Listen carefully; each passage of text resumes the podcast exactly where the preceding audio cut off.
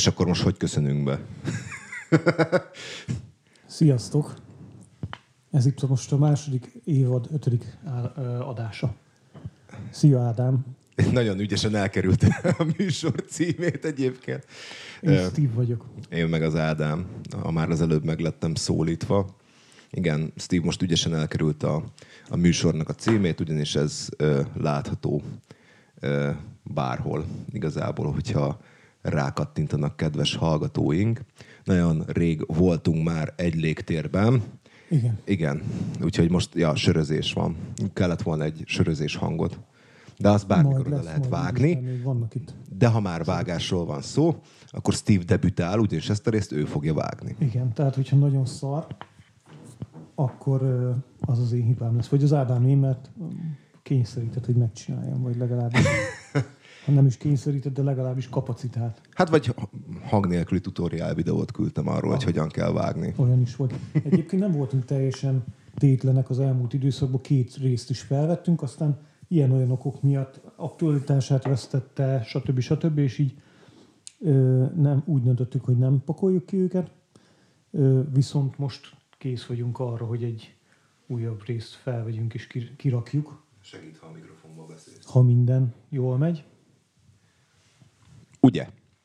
Igen, és ma nem másról fogunk beszélni, mint a szerelemről, halálról és a robotokról, ami egy nagyszerű Netflix ö, antológia, animációs antológia. Így van, de azt beszéltük, hogy először ö, kicsit beszéljünk arról, hogy mivel játszottál mostanában, Ádám. Hát nagyon Úgy sok értem, hogy ö, videójátékkal. Vida, ja, igen, lett egy PS4-em, ez nagyon fontos. Ez, Igen, egy, ez mér, ez egy mérföldkő a férfiak életében, amikor az első já, saját játékkonzoljukat ö, megvásárolják. Kérlek szépen, nagyon sok időt és energiát, majdnem felfekvésig öltem a Bloodborne harmadik, vagy igazából a negyedik végigjátszásába, mert hogy három végigjátszása van, egyszer meg félbe hagytam. És ezzel játszottam, és a Doom-mal, a Doomról tudni kell, hogy ugye azt még személyi számítógépen játszottam gyermekkoromban, az egyet meg a kettőt, sőt, azt hiszem koromból adódóan én csak a kettővel játszottam, aztán játszottam a hárommal is, ami, aminek volt valami szépsége, de így visszatekintve nem, nem túl jó. Maradjunk annyiban, és ez a három, vagy nem a három, ez az a minek lehet ezt nevezni? Egy új résznek, vagy egy reworknek, vagy egy... Hát nem tudom, inkább ez egy ilyen új rész megszámozás nélkül, nem? Tehát nem, a, nem Mhm. az elsőnek a remake tulajdonképpen. Mindegy, nagyon szórakoztató és kikapcsoló a játék. Ráadásul, ráadásul annyit kell róla tudni, hogy a zeneszerző zseniális volt, és nagyon szép gitárokkal vette fel a zenét, amennyire én tudom, azok 9 húros gitárok, azok dzsüdzsümölnek végig. Nagyon-nagyon jó. Ritkán jó metal zene szól alatta. Na, Egyébként. igen. Úgyhogy Jó hangzik. Akkor most a From Software játékoktól egy kicsit te is búcsút vettél, vagy legalábbis szünetet tartasz. Hát letöltöttem a Little Ni- Nightmares-t, és az is egy From Software játék, legalábbis. De nem, ebben nem vagyok biztos, de Bandai Namco-s, vagy Namco Bandai-os. Mhm. Uh-huh. Csak egy picit játszottam vele, hát beteg. Beteg, Aha, mint, beteg mint a szar. From Software, csak ugyanaz a... Ugyanaz a kiadó igen. talán, igen, vagy forgalmazó a Namco Bandai, vagy Bandai Namco. Kiadó, És azt hiszem most ö, Bandai Namco. Bandai Namco? Aha. Igen, valahogy a, a fordítva az jobban a, jobban a szá, szájára áll az embernek. Igen, de egyébként volt egy olyan időszak a cégnek, amikor úgy hívták. Tényleg, Mert ez két cégből, a Bandai-ból és a Namco-ból állt össze. bármilyen meglepő is. Igen, és először Namco Bandai volt, aztán voltak valami jogi hercehurcák, miatt, ö, amit úgy tudtak áthidalni valahogy, hogy nevet változtatott a cég, ha jól tudom, és akkor így, de ez, ezt, ez most ellenőrizetlen info, hogy miért váltottak nevet, és akkor most Bandai Namco-ként. Amúgy a magyar metal piacon is volt ilyen, hogy e- ezért volt Eckhoff Darjada, mert már volt egy Darjada, de nemzetközi metal szintéren is volt ilyen a ghost és a Ghost BC-vel. Aha, Úgyhogy, ja. De a Ghost, Ghost BC, akit te Ghostnak ismersz, az a hullafestéses pápacsávó, ö, Tobias Forg, mindegy, ö, ők nagyon jól megoldották, mert 60-as betűmérettel van kiírva az, hogy Ghost, és alatta olyan 9-ese, hogy BC. És akkor végül is jogilag megfelel. Uh-huh. Csak, na mindegy. Szóval ezekkel játszottam. Nem, nagyon szórakoztató volt a Doom. Ezt így tök jó volt újra felfedezni magamnak. Ellentétben az Alien Isolation-nel azért rakásszar. Te jössz. Igen, ne, uh, nincsenek friss élményeim az Alien Isolation-ről, de nagyon uh, tetszett a játék, vagy megtetszett több minden miatt, és én is elkezdtem vele játszani, aztán valahol így a, nem tudom, talán ilyen hetedik küldestés környékén abba hagytam. Nem hozta azt a hangulatot, amit, amit így vártam tőle. Én meg ugye a Dark Souls egybe voltam benne elég sokáig, aztán eljutottam egy elég fontos pontra, ahonnan utána kicsit ilyen leült a játék, úgyhogy én is most szünetet tartok, és és egy francia kalandjátékkal játszom, vagy azt fejezem be, aminek az a címe, hogy A Plague's Tale, Innocence, és egy középkori millióben játszódó, konkrétan középkorban játszódó, 1400-as években játszódó történetről van szó. Két kisgyermeknek, aztán több, vagy hát igazából két gyereknek, egy testvérpárnak a története, ez egyik közülük egy kisgyerek, a másik pedig egy 15 éves lány, tehát ő már annyira nem kicsi, és uh, tulajdonképpen arról szól, hogy hogyan veszik fel a harcot a, az inkvizíció ellen, akik valamilyen ködös oknál fogva kiirtották az egész családot, uh-huh. és nyilván rájuk is pályáznak, és uh, nagyon jó a zenék benne. Uh, hát onnan, de... onnan, onnan, uh, onnan streameltél legutóbb a a D&D kampányban is, nem? Igen, igen, igen. Úgyhogy... A lopakodós résznél elbuktam, úgyhogy későbbre, rögtön a legelején, amikor uh-huh. ránk tör az inkvizíció, vagy valami. Igen, igen. Ó, meg leszettem egy nagyon aranyos játékot, amikor egy patkányjal kell menni a béga seregek ellen, és ez ilyen középkoros, és, uh-huh. és nagyon aranyos, ilyen, izé, ilyen platform játék. Mi a címe? Nem? Hát nem most ez egy igen, jó kérdés, nem, nem készültem erre, hogy, hogy nekem itt referálnom kell játékcímekből. Nyilván nem kell, de nem, nem jut eszembe. De kurva jó, majd majd rakok fel gameplayt arról is. Na és mit, mit olvastál mostanában? Ö, ja, hát a, ugye a legjobb fantasy történelemkönyvet kezdtem el olvasni. Ami, ja, ami igen, egy történelemkönyv, ami sajnos nem a trónok harca, vagyis hát a tűz és jégdal a ciklusnak a hatodik kötete, hanem a, hanem a tűz... Tűz és, tűz és vér. Tűz és vér, igen.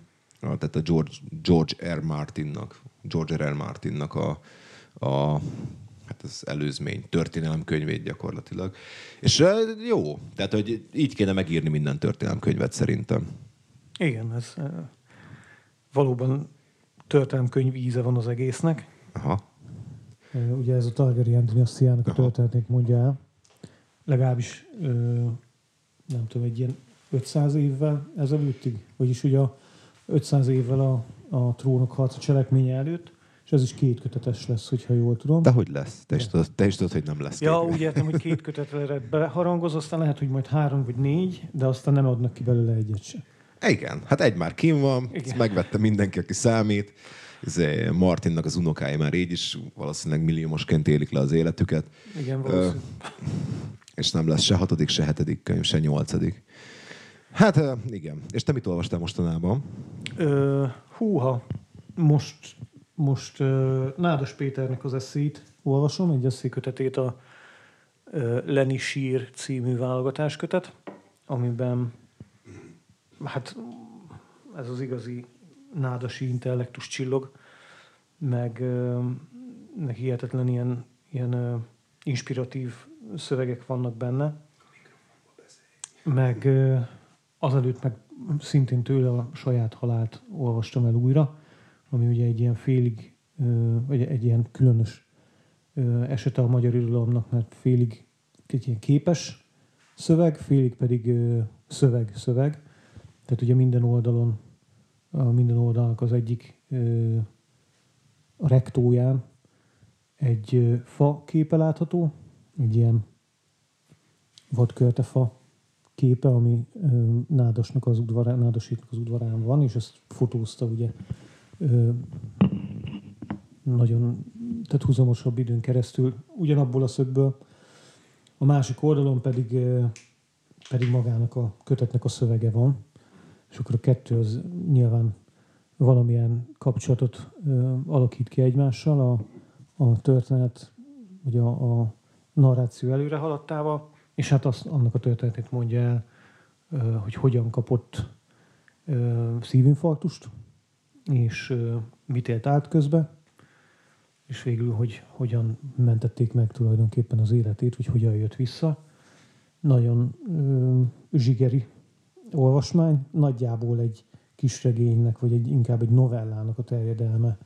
Ö, hiába 300 oldal a kötet, de nagyon, vannak olyan oldalak, ahol csupán egy sor szöveg szerepel, vannak olyan oldalak, ami ö, meg van töltve szöveggel, igen. De ugye minden második oldal az az egy fa képe a legkülönbözőbb, tehát négy különböző évszaknak megfelelően különböző állapotokban. Úgyhogy ez volt a, a legutóbbi, amit be is fejeztem, most meg, most meg ugye a eszékkel kelek fekszek. Most ilyen nádas korszakomban úgy látszik. Csak ajánlani tudom. Köszönöm közben. Töltünk egy kis bort. Igen, egy kis bort. Ja, ja, ja. Igen. Vigyázz, már habzik. Aha, látom. Na, ö, bármi más, amit még a, a sűrű, vagy ezt szépen át kéne kötni? Én még annyit szeretnék elmondani, hogy a D&D film ö, talán nem beszéltünk róla, és azért ez elég fontos legalábbis számunkra, mert hogy készült egy újabb D&D film, ami szerintem rendkívül szórakoztató lett. Két év után először voltunk moziban a feleségemmel, úgyhogy lehet, hogy az is közrejátszott abban, hogy nagyon nagy élmény volt, hogy gyakorlatilag bármit adhattak volna a moziban, sírva tapsolok neki a legvégén.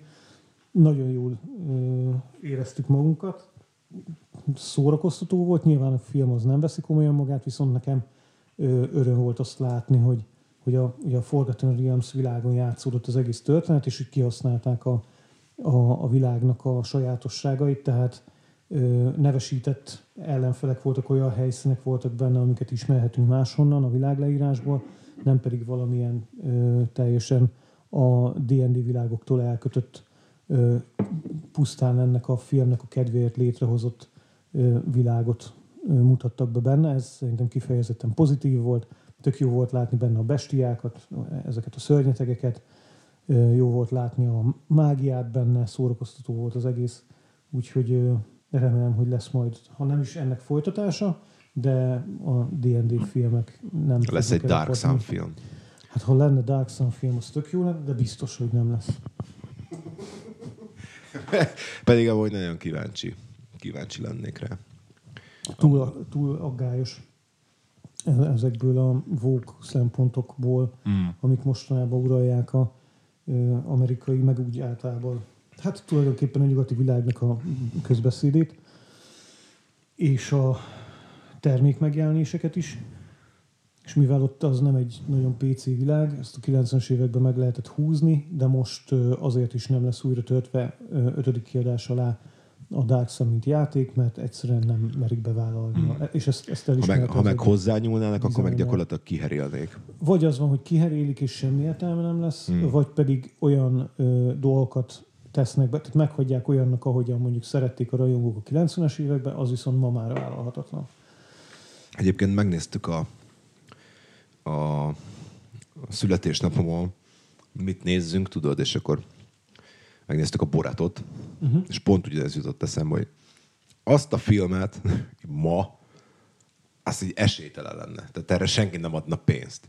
Vagy ha adna, akkor, akkor az ilyen neten terjedő film lenne, ami szétkánszölöznének valahogy. Igen. Tehát, hogy ja, a PC megölte a, a fantázi, meg ez a Vogue nem úgy megölte a fantáziát, meg, meg úgy mindent. Egyébként, a humort az biztosan ha emlékszel erre a régi, hát nem olyan régi, de de mondjuk a, a felnövő, a most felnövő generációnak már valószínűleg nem mond semmit a neve, egy francia színész Louis de Funé volt neki egy filmje, aminek az volt a címe, magyarra for, úgy fordult, hogy Jákob Rabbi kalandjai, és most ezt nem tudom, hogy hogy jutott eszembe, csak a legutóbbi alkalommal, amikor véletlenül, nem tudom, valahol elkaptam tévébe, hogy ment, az jutott eszembe, hogy ez, ezt a filmet ma biztos, hogy nem lehetne leforgatni, már csak azért sem, mert hogy éppen ugye valakinek a zsidó származása az, ami a, a központi eleme ennek a filmnek, és uh, rengetegszer ez a goly figura, ugye egy zsidó rabbinak adja ki magát, uh, aki, mint elefánt a porcelánboltban úgy viselkedik a, ebben a kultúrában, nyilván nem ismeri, és ez tök jó poénokra ad egyrészt lehetőséget, másrészt nincs benne egyébként bántó, tehát, vagy abból az, abban a szempontból, vagy abból a szempontból nem, hogy nem, nem űz gúnyt a zsidó kultúrával, inkább ebből a fickóból űz gúnyt, hogy mennyire nem De nem akkor se férne el. De biztos, hogy nem férne el ma. És egy csomó ilyen film van egyébként. Hogy így nézed, és ez biztos, hogy nem lehetne most leforgatni. Igen, Erre igen. senki. Sőt- egy, egy producer se adna erre pénzt. Igen, és ma az is furcsa, hogy ma ez egyáltalán még a tévé, valamelyik tévé adó leadja. Nyilván Hát, azok is... a Vogue ellen, tudod. Nem, biztos, hogy nem azért, hanem mert mondjuk nálunk még annyira ö, erre talán nem figyelnek. Nyilván nem azért, meg érted, új filmeket vásárolni drága, ezt meg már megvették a 80-as években. Persze. Még régi fillér forinton, érted? Még rajta volt a vörös csillag. Nem tudom, volt rajta, biztos, hogy volt rajta vörös csillag. Jó. Nekem nincs most mozis élményem. El akartam menni moziba, és színházba voltam helyette, de ezt, ezt meséltem, hogy egyedül szerettem volna elmenni moziba, csak aztán a, a zenikő az ö, szervált egy, egy másik, tehát hogy ő kapott egy, egy darab színházjegyet, és így csencselt egy másikat nekem. De egy másik sorba. Tehát, hogy, ahelyett, hogy elmentem volna moziba egyedül, elmehettem színházba egyedül. Gyakorlatilag nagyon jó. Nem szeretem a színházat, ezek a túlafektálós dolgok, mert egy színházban így kell játszani általában. Tehát így a mainstream színház, kőszínháznak hívják talán a uh-huh. mainstream színházat. És a, mainstream színházban így szoktak játszani. Tehát kitárt karok, meg nagy mimika, meg, meg mit tudom én. És ez tőlem nagyon idegen. Uh-huh. Mert hogy én ezt magyar filmeken látom, csak magyar filmekről leugrik, hogy ezek színházi színészek. Aha. Érted? És ö, el, tehát lerír róla, hogy, hogy szín, színházi színészek, és ez nekem nem jön be. És ez most sem jött be. A 39 lépcsőfokot néztük. Uh-huh. És ö, ami viszont lenyűgözött, az a, a megvalósítása volt az egésznek. Az valami zseniális volt. Tehát, hogy a maga a technikai rész, tehát a színház technika, a fényelés is nagyon jó volt.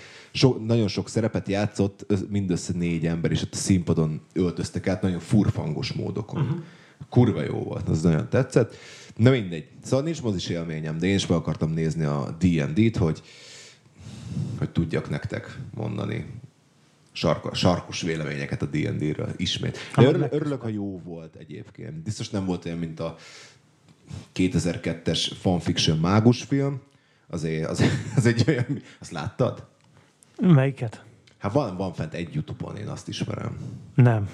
Hát Másfél óra, és akkor izé rendesen be vannak öltözve tinédzserek, minden. Nem, nincs meg. Nincs meg. És ilyen tudod, ilyen a, a nyaralós VHS-es kazettás szével van felvéve. Aha, ez És úgy van fent, hogy mágus a film, kalandozó krónikái. Jó, ezt nem, nem nézem meg. De legközelebbre akkor nézzük meg. Nem szeretném. ja. Na, de ha már fanfiction, nem, ez így szar lesz átkötni. Beszéljünk a, a szerelemről, a halálról és a robotokról. Ö, jól van. Jól van. Erről már nagyon régen akartunk beszélni, Így van. csak ö, valahogy mindig eltolódott, mert voltak ennél aktuálisabb témák. Ö, Amiket aztán, amikből aztán nem, nem csináltunk a műsort. műsort. Csináltunk műsort, igen, de ez szerintem a kezdet kezdete óta fel van írva a, a kis Igen. Excel táblázatunkban, amit nem töltünk már egy ideje. Igen, de ami egy Word dokumentum. Nem Excel? Nem. Na hát én ilyen sűrűt nézek rá. Én, én szoktam nézni. Szóval De- néha írok hozzá dolgokat. Ja, te írsz? Oké. Okay. szóval, igen. Nagyon rég fel van írva, csak ugye ez egy ö, animációs film antológia, és ö, hát nehéz megfogni, mert ugye az első évad rögtön 18 résszel indít, Igen. és mind külön, rövidek, de mind különböző ö, témájúak. Igen, hát ugye most ma a mai alkalommal úgy egyeztünk meg, hogy az első és a második évadról fogunk beszélni, és majd egy másik alkalommal a De az harmadik. elsőről biztosan. Igen. Hát igen, és ahogy elmondtad, ugye rövid animációs filmekről vannak, van itt szó általában science fiction témában, de nem kizárólag, és hát a felnőtt tartalmakat sem nélkülözik ugye az egyes részek. És az első évad, vagyis hát az első kötet, mert ugye ö, volume-okban van rendezve, tehát kötetekben van rendezve, így, így hivatkoznak rá a készítők. Ez 2019-es, és és ugye úgy is épül fel egy sorozat, de talán ezt már említetted, mint egy novella, novellás kötet, mint egy, mint egy antológia, tehát az egyes részek azok nem függenek össze egymással, hanem Maximum tematikában, majd témában függenek össze, de történetileg semmiféleképpen sem. igen, mindegyik más-más történetet mond el. Bár időről időre helyeznek el olyan apró utalásokat, ami azt engedi sejtetni, hogy legalább, legalábbis bizonyos részek között, részek ugyanazon a univerzumon osztoznak. Erről majd később majd valószínűleg fogunk beszélni, vagy legalábbis egy adott helyen én ezt majd szeretném, szeretnék erre kitérni. Ugye az, az még talán annyit ide, hogy a rossz májban azt szokták mondani, hogy ilyen figyelemzavarosoknak ajánlják ezt a sorozatot, mert hogy ö, 8 és 12-15 rész között, vagy 15 perc közötti ö, hosszúságú egy rész, és ugye aki nem tud egy óra hosszát ö, koncentráltan végigülni, az nézze ezt. Egyébként ezzel egyáltalán nem értek egyet. Én sem. Ugye ezek az emberek, nem tudom, mondhatják azt. Na mindegy, ebben nem akarok, a pedagógiai részében nem akarok belemenni a, a, dolgoknak. Igen, ö, az biztos, hogy ez- ezeknek az embereknek a kritikája olyan szempontból valid, hogyha úgy hangozna el, hogy egy-két rész amúgy elbírna többet, de igazából én nem éreztem hiányt, csak, csak egy vágyat, hogy egy-két résznél, hogy baszki, ebből amúgy még néznék. Tehát, hogy ez egy elbírna egy önálló sorozat. Nyilván ezek az emberek, akik ezt mondják, hogy filmzavarosoknak ajánlják, azok nem erre gondolnak elsősorban, de, de én leszek olyan jó indulatú és kedves, hogy azt mondom, hogy ez valahol pozitív, mert uh-huh. Tehát neked akkor bejött ez a, ez a forma egyébként? Szerintem teljesen jó. Tehát, Aha. hogy, ö, sőt, vannak olyan részek, amik, amikből meg még a 8 percet is úgy sokaltam. Nekem pontosan ez volt a... Vagy engem pontosan ez, ez idegenít el. Ez a, ez a koncepció engem kimondottan zavart, vagy legalábbis nem, nem nekem való. Én, hogyha nem beszéljük meg, hogy erről a sorozatról fogunk beszélni, én még mindig nem néztem volna végig, az, az biztos. Ja, ennyire nem szereted ezt? Nem az, hogy nem szeretem, szerintem ez egy ö, nagyon jó részek vannak benne, és tulajdonképpen pontosan amiatt, amit már említettél, nekem az a, az a problémám, hogy ugye a részek nem függenek össze egymással. Nem tudod, hogy mit kapsz. Az Vagy egy rossz... Ö, tehát ugye az van, ott van, el kell dönteni, hogy mondjuk leülök és megnézek egy valamit. És akkor eszembe jut, hogy Love, Death and Robots, itt egy 8-12 perc, egy rész, Ez egy megnézem el. kajálás. Igen. De mondjuk, ha megnézem, akkor lehet, hogy egy rossz ré- rész lesz, amilyen nem jó, hogy erre vesztegettem azt a 8-12 percet. Ha viszont egy jó rész lesz, akkor utána nem akarok tovább lépni, mert hogy abban a világban szeretnék még, vagy legalábbis átgondolni, Aha. vagy, vagy tovább, tovább gondolni És ez bizonyos függ igazából, vagy részek? animációtól? Nálad. Nekem szinte kimondottan csak a sztoritól. Aha. Az animáció az nagyon fontos, meg nagyon tetszik, de például az egyik, az első évadnak az egyik nagyon-nagyon felhájpolt része, az nekem igazából annyira sokat nem mondott. Melyik? Gyönyörű a sztori, Milyen? vagy gyönyörű a, a, a vizuális effektek, meg, meg, meg nagyon jó ránézni, meg nagyon szürreális az egész város, de maga a, De az micsoda? Mi, mi a rész? Mindjárt mondom, hogy melyik is a... Ez, még, ez az első évadban van, és a The Witness. Aha. Tehát a szemtanú. Szemtanú. Hát azt én sem szerettem, mert nálam például a látvány teljesen elidegenített. Nálam pont a látvány idegenített. Ú, nekem a látvány az nagyon tetszett. Ne, hú, nekem fordítva. Nekem, nekem nagyon tetszenek a... Én nagyon szeretem David Lynch-et. Uh-huh. És David Lynchnek egy csomó olyan filmje van, hogy elkezdődik valahol, és akkor pont a, a sztori ellenoldalára érkezünk, de ugyanoda, tudod, mint egy ilyen fordító, mint egy Möbius szalag. Uh-huh, uh-huh. És én imádom az ilyen megoldásokat. Nagyon-nagyon szeretem, de a maga, ez egy ilyen élőszereplős volt, ha jól sejtem, és erre volt reanimálva, ugye? Ha jól emlékszem, Igen. mert ezt most pont nem néztem újra, csak amiket, uh-huh. amikről beszéltünk. Mondjuk erről is beszéltünk, Szinte hogy mindegyik élőszereplős és ilyen reanim, vagy legalábbis nagyon sok ö, ilyen van. Van, van, van, csak nekem ez a, nekem ez a stíló annyira... Na, engem elidegenített, tehát én ezt nem szeretem. Egyszerűen. Uh-huh. Nem tudom miért. Ö, vala, valamiért nem jön be. És, ö, ja, de maga a sztori nekem ott nagyon tetszett. És a sztori neked miért nem tetszett? Ö, nem azt mondom, hogy nem tetszett, csak ö, szerintem van, van annál jó. Nem, nem hagyott ilyen igazán mély benyomást rajtam ez a, ö, ez a rész, de, de hát persze azért a jobbak között lehet számon tartani. Ellentétben mondjuk a The Dump című résszel, ami talán 9 perc volt, és azt, azt éreztem, hogy ez sok. Tehát már rég vége kéne, hogy legyen, és nem érdekes az egész. Szemét dombos. Igen, igen. Az engem is érdekelt. Fú, te, és Na, az például lehetett volna a fele. Hát nem a fele, de egy ilyen 6 percben simán megállapodott Sőt, volna. azt nyugodtan kitehették volna a sorozatból, és lehetett volna 17 ö, rész. Egyébként Megjelenhetett volna a DVD-n az extraként, érted? És akkor úgy el tudom fogadni, hogy jó. Igen. Az nekem se tetszett egyébként, az annyira alapsztori volt, de biztos utána néztél, mert hogy gondoltad, hogy én nem fogok. Itt minden, ré, minden részt különböző csáó írta, ugye? Vagy csaj. Ö, igen.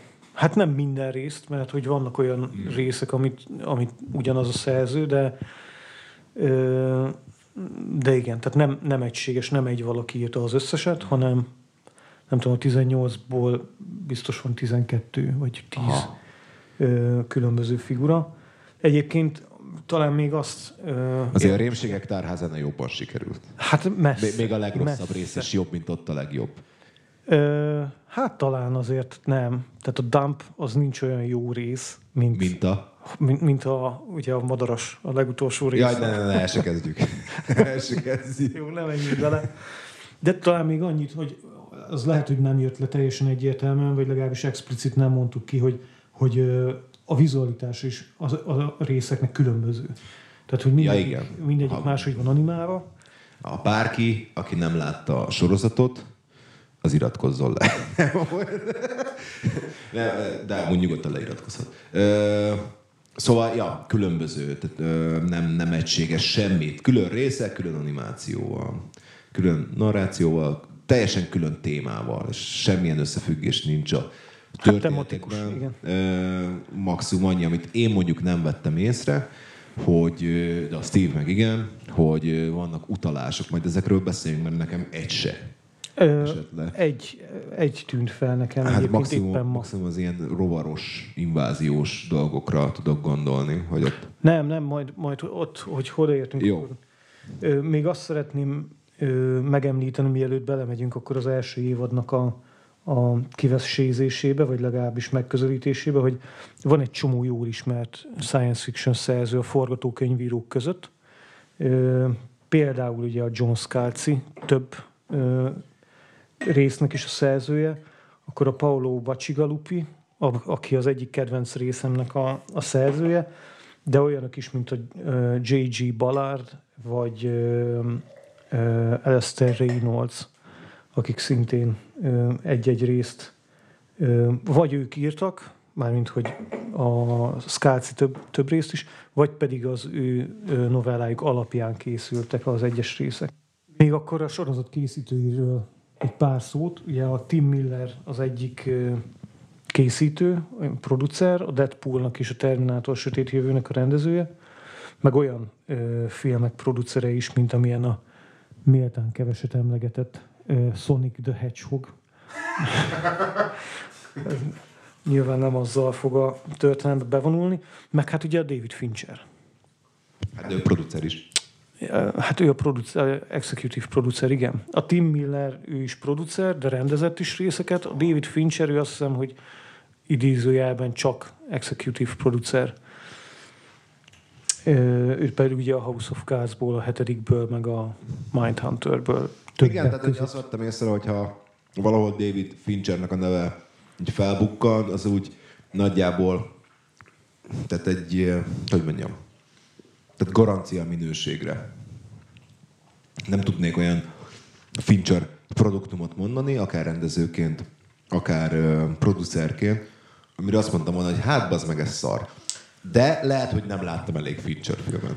Én még a Közösségi Háló című filmét is bírtam egyébként. Egy kicsit Ja. az... Cukorhegyi Márkost? Igen.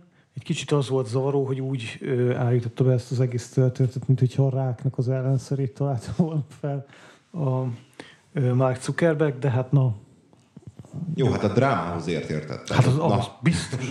Igen, igen, igen. Jó, a mai Nem tudom, hogy milyen lehet a feleségének lenni, tudod, így elmennek valahova, és a, az, a férj az így belelöttyinti a bort az arcába. Az volt a mai ö, alkalomra legyen. Tehát az volt a mai alkalomra a munkamódszerünk, hogy mint beszéltük, hogy azért ez 18 rész. Igen. És azért nem tetszett annyira az összes rész, hogy beszél... Amúgy bármelyikről lehetne sokat beszélni. Uh-huh. Ki a dubról. Arra nem. De... Tehát az volt a munkamódszer, hogy mindenki választ három részt. Igen. Tehát összesen hatot kettem. Ö, Plusz az Ima Blood. plusz az Ima Blood, igen, Steve lelőtt a poén, Jaj, bocsánat. hogy mert hogy ez mindkettő nagyon-nagyon-nagyon tetszett az a rész, úgyhogy akkor pluszba beszélünk arról is. A te listáddal kezdjük, vagy az enyémmel? Mm, Én azt hittem, hogy felváltva haladunk. Mindegy, és akkor igazából. kezdjük szerintem a tieddel. Jó. Ja, még csak annyit az Imabuluhoz, hogy pont az az a Lester Reynoldsnak a szöveg novellája alapján készült. Az Blue is próbált elidegeníteni a rajzolási stílusával, Igen, igen, az egy nagyon... stílusával, de nem sikerült. Igen, nekem se tetszett egyébként kifejezetten a, az a vizuális De a sztori zseni. Igen, meg hát azért nagyon felismerhető a, a vizuális ö, felépítése is, az biztos. De szerintem akkor ne ezzel kezdjük, hanem Nyilván nem az Ima. Az Ima Blue, az a, ez egy korona. Azt nagyon jól csinálták, hogy az volt talán az utolsó rész. az utolsó előtti. Egyébként az utolsó rész is nagyon-nagyon jó Mi, volt. mi az utolsó rész? Az rajta van a listámon egyébként, The Secret War.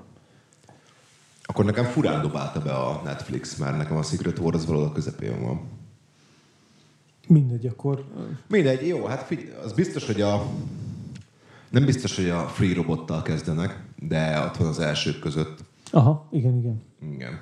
Hát jó, nekem valamiért azzal kezdett a, természetesen Netflix és a sorozat, ugye, ezt nem mondtuk, Ja, igen, igen. mert mi most már egy ilyen Netflix rend podcast lettünk, amit az előző részben, amit ugye a publikum most nem hallhat, így azzal kezdtük, hogy próbáljuk ezt elkerülni. Igen, de nem sikerült. De nem, na hát ez van. Nem sikerült, de legalább jó pénzt kapunk a Netflix-től, úgyhogy végül is valamit Igen. valamiért. Igen, azért ilyen jó hangminőség. Igen. Ö, szóval, nálam a Free Robottal kezdődött, robotszal kezdődött, és ö, nekem azért tetszett az a rész, egyrészt, mert ö, úgy posztapokaliptikus, hogy vicces. Igen. Nagyon szórakoztató a három robotnak a, hát a párbeszéde, vagy a tribeszéde, érted? Tehát, hogy, uh-huh. hogy kurva jó, meg hát van, tele van utalásokkal egyébként. Rögtön az elején ott van, ha emlékszel rá, hogy a Terminátorban rálép a koponyára, és akkor Ja. azt hiszed, hogy itt valami úristen, mekkora nem tudom, mindjárt kiberharc lesz, és kiderül, kedves robot, ja, az összesről spoileresen fogunk beszélni, kirakjuk a spoiler alert, vagy rá photoshopolom a minőségileg, ahogy eddig szoktam, a spoiler alert logót. Tehát azt, azt hinné az ember, hogy ö, nagyon bekezd az a sorozat, azzal, hogy itt ö, most ilyen, ilyen Terminátor rebootot kapunk, csak animálva, és akkor mennyire jó lesz. És hát igazából három turista robotról van szó, akik az elpusztult emberiség rómaiaihoz mentek turistáskodni. És ö, nekem azért tetszett különösen ez a rész, mert hogy nem vette komolyan magát, de mégis volt egy kritika az emberiség, uh-huh. mint olyan felé. És hát a macskák. Én erről láttam egy dokumentumfilmet egyébként, hogy a, hogy a macskák átveszik majd az uralmat egyszer. Nem tudom, mennyire volt komoly ez a dokumentumfilm, valamely, valószínűleg semennyire, de hogy a, egy apokalipszis esetén a macskáknak komoly túlélési esélye van arra, uh-huh. hogy, hogy túléljék az embereket. Ezt a sorozat egyébként úgy magyarázza, hogy miután be tudták fordítani a hüvelykújukat, uh-huh. és kibírtak nyitni egy tonhal konzervet. Nem volt szükség. Nem volt szükség többé, többé az emberre. Úgyhogy én, én nagyon szerettem ezt. Ráadásul mind a három robotnak ilyen különböző, jól felismerhető személyisége van? Vagy ilyen? Igen, igen, igen, igen. Az egyik az egy takarító robot volt. Uh-huh. Meg is találja az egyik ősét darabokban. Ah, ez már nem, ez már nem, nem nincs, már, nincs meg. Hát a, és az ősének a szemét felhasználja a saját szemét, és akkor nem tudom, mi lesz. Tele van poénokkal egyébként, és szóval nekem ez nagyon tetszett. Az egyik, azt hiszem a három, vagy a piramis alakú robotról nem derül ki, hogy ő micsoda, de a, a kicsiről izé kiderül, hogy ő egy babavigyázó robot uh-huh. volt, és mondja, hogy nagyon rosszul végezte a munkáját. Ez a végig ijesztő. Igen, meg különösen azt tetszett az egészben, hogy ugye nyilván ez egy elcsépelt poén. Mármint szerintem egy elcsépelt poén, hogy, hogy amikor ilyen emberi tevékenységeket kérdőjeleznek meg, uh-huh. hogy egyébként oda mennek egy kosárlabdapályához, és megkérdezik, hogy ezt emberek egyébként miért csinálták. Uh-huh. Hogy mit csináltak a labdával. Hogy ez hova, hogy kellett így így berak, nem, azt mondták, hogy pattogtatni kellett. És akkor pattanját a labda, és nagyon örülnek maguknak, tudod, mint a gyerekek, uh-huh. amikor így felfedeznek valamit. Elcsépelt, de úgy így, ilyenkor elgondolkodik, legalábbis én elgondolkodtam az ember, hogy, hogy egyébként így szórakozásnak, sportnak, meg ilyesmiknek egyébként, hogy így, így, egy külső megfigyelő. Egy külső megfigyelő szempontjából egyébként semmi értelme. Igen nagyon nehezen védhetőek, hogy miért csinálsz. Igen, hogy amúgy Egyébként miért pattogtatod azt a labdát, és miért, miért dobott be, érted? Igen, de egyébként nem csak a sport, hanem az elég sok minden nehezen menne keresztül ezen a szűrőn szerintem, hogyha ilyen eléggé nagy távolságból egyébként szemlélnének minket. Ez, ez egyébként mindig érdekes. Például az öltözködés. Kísérlet. Igen. Például az, az öltözködés az egy tipikus példa erre, mert hogy a mai ember, kivéve hogyha eszkimó, akkor kurvára nem funkció szerint öltözködik. Persze. Tehát sokkal többet számít az, hogy, hogy amit gondolsz, hogy gondolnak rólad, mint az, hogy mondjuk jól fel legyél öltözve. Uh-huh. Tehát amikor látod a hülye gyereket izé, nagy motoron papucsba, de nem, meg, meg pólóba érted, és akkor húzatja neki az úton. Ú, ez most így elég nyugdíjas speech, nem? De nem mindegy. Lassan közeledek. És Hát a héten volt a születésnapot. Igen, igen, igen, igen. Boldog születésnapot nekem. De érted, tehát ez minden csak nem, nem funkcionális öltözködés. Uh-huh. És ez is kurva nehezen védhető, hogy, hogy, hogy miért. Vagy egyáltalán miért hord az ember ruhát. Igen. Ha kellően távolról nézett, természetesen. Azért jó, hogy ebben a epizódban robok, robotokat választottak, nem mondjuk uh, ilyen űrlényeket, vagy, vagy valami más intelligens Mert az még elcsépelt lett tebb lett volna. Nem csak azért, hanem pontosan amiatt, hogy, hogy ha, ha egy más civilizációt vennénk alapul, valószínűleg ott is meglennének azok a szokások, amik, amik hozzátesznek ahhoz, hogy az ember ember, a marslakó marslakó, viszont egy robotnak a szemszögéből, ami egyesek nullák, és csak a logika irányítja, teljesen védhetetlen, meg, meg érthetetlen az, hogy valaki miért foglalkozik olyan dologgal, ami, voltak éppen nincsen valamilyen produktív haszna. Vagy, igen, igen, igen. igen. Hát ettől ember, nem ettől ember az ember, hogy igen. csinál nem logikus dolgot, ami szórakoztatja. Vagy hát elsőre nem logikus, mert azért tehát észszerűtlennek tűnik az, hogy ha van elég energiád, akkor miért fárasztod le magad, hiszen az kontraintuitív, hogyha életben akarsz maradni, akkor energiát akarsz felhalmozni. Akkor De szép szó ez a kontraintuitív. Köszönöm. Nem én találtam ki. De... Pedig azért. Közben meg azért a hosszú távon nyilván fontos az, hogy mondjuk mozogjál, és képezd a testedet, stb. Na mindegy, valóban egy, egy nagyon aranyos, meg különleges rész ez, és az egyetlen olyan... Mi kapott folytatást. Pontosan, igen, igen, igen. Legalábbis eddig, mert ugye lesz negyedik uh, évad. Lesz, igen, igen. Azt a harmadik évadba folytatták. Igen. Utána még a robbanó cicák társasjátékra. Az megvan? Ö, megvan a, a társasjáték. Ölébe ül a cica. És felrobban? Nem, csak mondta, hogy simogasd, mert hogy hallott egy olyan, olyan dologról, hogy van, van ilyen dolog, hogy robbanó cicák, és Ja, valószínűleg, aha. ha nem simogatja, akkor fölrobban. Aha. És a köcsök macska a végén azt mondja, hogy ő nem mondta, hogy nem fog fölrobbanni, úgyhogy lentebb simogassa legyen szíves. Mert ja, nekem, nekem határozottan az egyik kedvenc részem, mert ö, annyira ártalmatlan, de egyébként meg tök sokrétű. Uh-huh. Ugye az egyik kedvenc részem. Igen, és ráadásul úgy mondod, hogy vannak benne ilyen cuki dolgok, hogy közben meg mégiscsak egy ilyen posztapokaliptikus Igen. Tehát e- Egy Igen. nagyon érdekes íze van az egész dolognak, és ugye azt mondtad, hogy, hogy bizonyos vonatkozásaiban elcsépelt, és talán már itt meg lehet említeni, hogy, hogy azért ez nem az a sorozat, ami így ö, hihetetlenül fundamentális. Ja, ja igen, igazad van. Science igazad fiction van. Tehát én újat, újat nagyon nem húz a sorozat. Igen, igen, igen. De Vagy legalábbis a, a témáiban nem, viszont abban, hogy csinál ilyen 8-10 perces részeket, ami viszonylag gyorsan fogyasztható, de közben meg veled marad sokáig, ebből meg tök új. igen, meg a megvalósítás is szerintem nagyon, Igen. nagyon színvonalas. Úgyhogy, és ezt az összes részre el tudom mondani. Még arra is, ami nem tetszett, hogy Igen. baszki, ez színvonalas. Színvonalasan csinál valamit, ami lehet, hogy elcsépelt, és tényleg nem reformálja meg a science fiction uh-huh. világát, de igazából mi reformálja meg ma már a science fiction világát? Nem tudom, majd ö, mindjárt kitaláljuk. addig, addig menjünk tovább. Menjünk tovább. Ö, akkor most egy én általam felírt rész következik, ennek az a címe, hogy Helping Hand, és ö, Én most újra néztem az általad, ö, tehát te megnézted az én részeimet? igen. Vagy igen. szint. Én is megnéztem a te részeidet. Mondhatom én először? Persze. Nagyon nyomasztó. Nekem a- valószínűleg azért nem tetszett, mert, mert rohadt nyomasztó. Aha. Egyébként, és nagyon, mm, hogy mondjam, egyedül érzi magát a, az ember közben.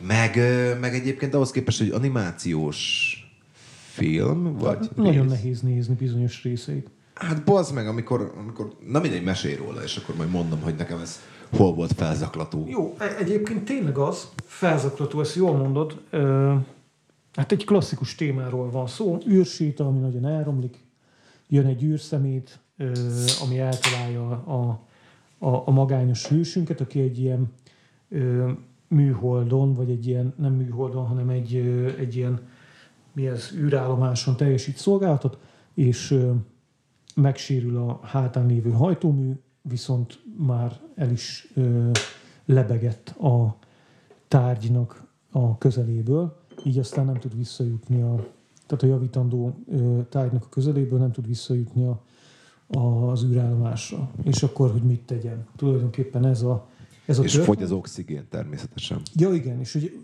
lenne felmentősereg, aki idejön, nem soká ide is tudnának kérni egy órán belül, hiszen már azért nagyon-nagyon ö, nyilvánvalóan nagyon kifinomult a technika, meg a jövőben járunk, ez nem derül ki, hogy pontosan ö, mikor. És hát ö, nyilván annyi elő alatt, míg odaérnének, elfogy az oxigén. És ö, nekem egyébként nem a történetnek az egyedisége miatt ö, volt ez annyira ö, jó ez a rész, mert hogy ezt láttuk a Gravity-ben tulajdonképpen. A Sandra Bullockosban. Igen, igen. Én nem láttam, én azt sem néztem meg. Nem baj, mert hogy az másfél óra, itt meg 10 percben megkaptad ö, a fontosabb dolgokat. Tehát a Gravity azért az, az ö, na mindegy, nem, nem a leggeniálisabb ö, film, nem is, nem is kimondottan rossz, ö, vagy, vagy gyenge. Pont ezért De- De... néztem meg, mert pont ezért nem néztem meg, mert nem kimondottan szar, és nem kimondottan jó. Igen, Tehát kicsit közepes. az a közepes. Ad, abban az időszakban, amikor azt kiadták, most pontosan az évre nem emlékszem, annak nem néztem utána, akkor rengeteg ilyen típusú jött, film jött ki egymás után, és nyilvánvalóan a, ö, az Interstellar volt köztük a legkimagaslóbb, és az Meg volt egy Mars expedíciós, és az is akkor jött ki. a Mars expedíciós, az a, tudom, hogy melyik Amikor ez a, a... NASA tudósai összeülnek, Igen, és a- akkor a... a Marsi a címe a könyvnek, ami, ami alapján készült, és az Andy Weir nevű szerző írta a, kötetet. Ez magyarul megjelent, a Fumax kiadó adta ki, és azt hiszem ebben meg Matt Damon a főszereplő. Így van. Lehet, hogy ez is a, a körül jött ki, de tulajdonképpen teljesen mindegy. Klaustrofóbiás a hangulat teljesen. Ugye egy, ami azért érdekes, mert, mert hogy az űrben vagy. És akkor lesz nagyon-nagyon zárt az egész világ, és, és rettenetesen nyomasztó. Amikor a végtelenbe lebegsz gyakorlatilag. Ö, mert hogy a végtelentől egy valami választja el a főszereplőt, a ruhája, ami viszont teljesen úgy kezd el értelmezni, mint egy börtön, miközben azért mégiscsak ez az, ami megvédi. És hát, hogy ö, valamennyire el tudja magát mozdítani az űrben, ö, letépi az egyik kesztyűjét, hogy azt eldobva, a, a tárgytól külön ö, mozdulva ugye próbáljon valamennyi ö, Lendületet venni, igen.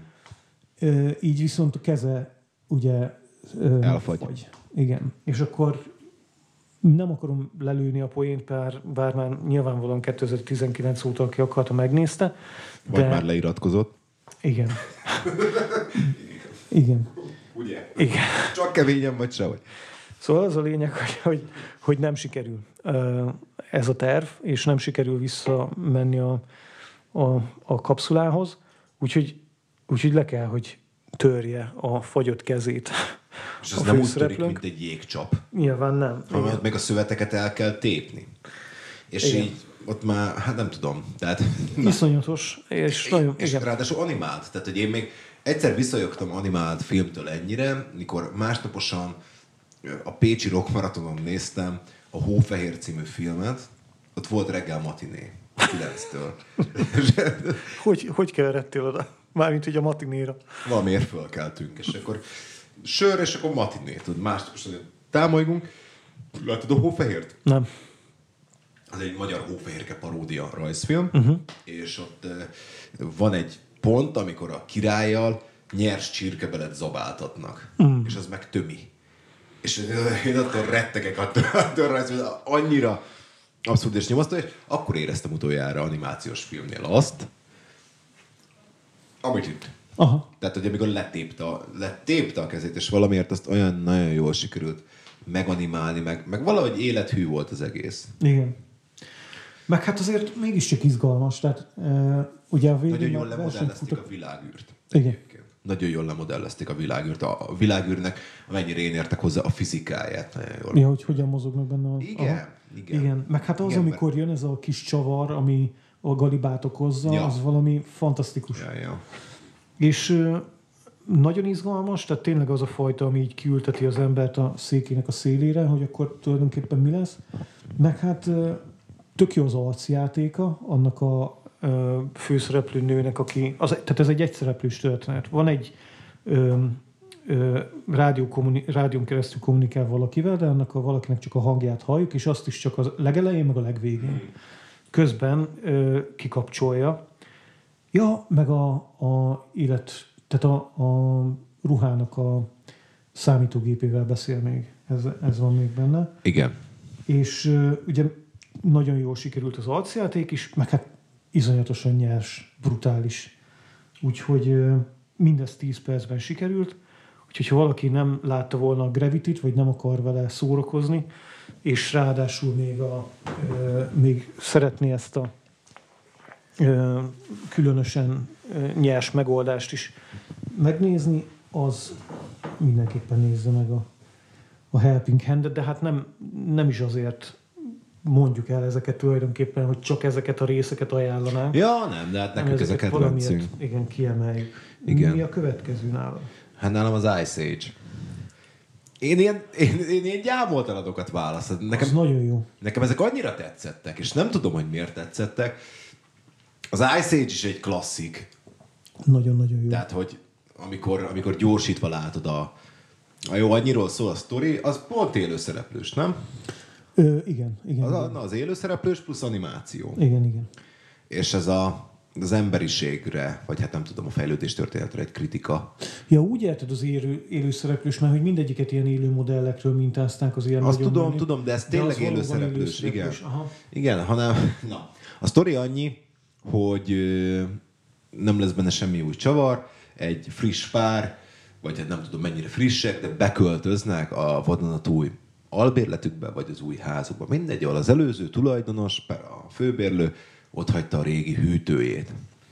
És úgy találják, hogy hát erre ígyunk egy bort, és azt valamiért jéggel szeretnék tenni. Igen, a srácnak ez a fejlővés, azt hiszem. Vagy, vagy pont a csajnak, mindegy.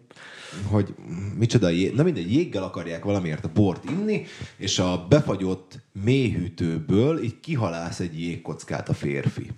És akkor berakja a borba, és észreveszi, hogy abban egy mikroszkópikus fagyott mamut van. Ez egyébként zseniális. Egy, ez tényleg jó. És akkor lepontják ezt a jégfalat, és kiderül, hogy ott egy ilyen kereskedő civilizáció van, egy ilyen mikrocivilizáció. Tehát gyakorlatilag nekik volt egy akváriumuk. Igen. Tudod, ezt els, elsütötték ma a South Park. Láttad azt a South Park részt? Ja, most így hirtelen nem, nem ugrik be. Amikor de- Kenyó birodalom. Hát azért tetszett nekem. Azért, azért most, most esik le, hogy azért tetszett nekem, mert van egy ilyen South Park rész. Most amikor- ez, ez nem rémlik. Az egymillió South Park rész közül ez hirtelen pont nem rémlik. Talán van valamelyiknek egy ilyen akváriuma, és azt hiszem kutyaspermát vesznek valahonnan, és akkor azok elkezdenek ott szaporodni.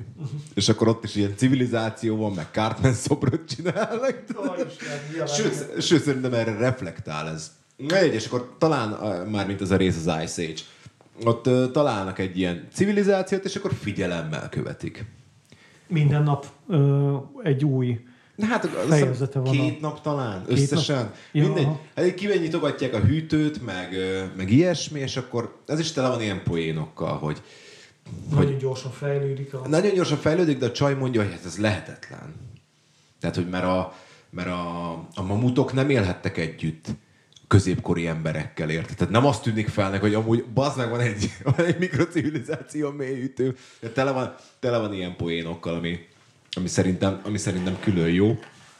Ö, és természetesen egy civilizációnak végigkíséri az elejétől a végéig. Atomrobbanás is van, meg, meg űrutazás is van, sőt, dimenziólépés is van. Sőt, az atom, atom, atomháború utáni újjáépítés is van, ami emlékeztet Szicíliúra.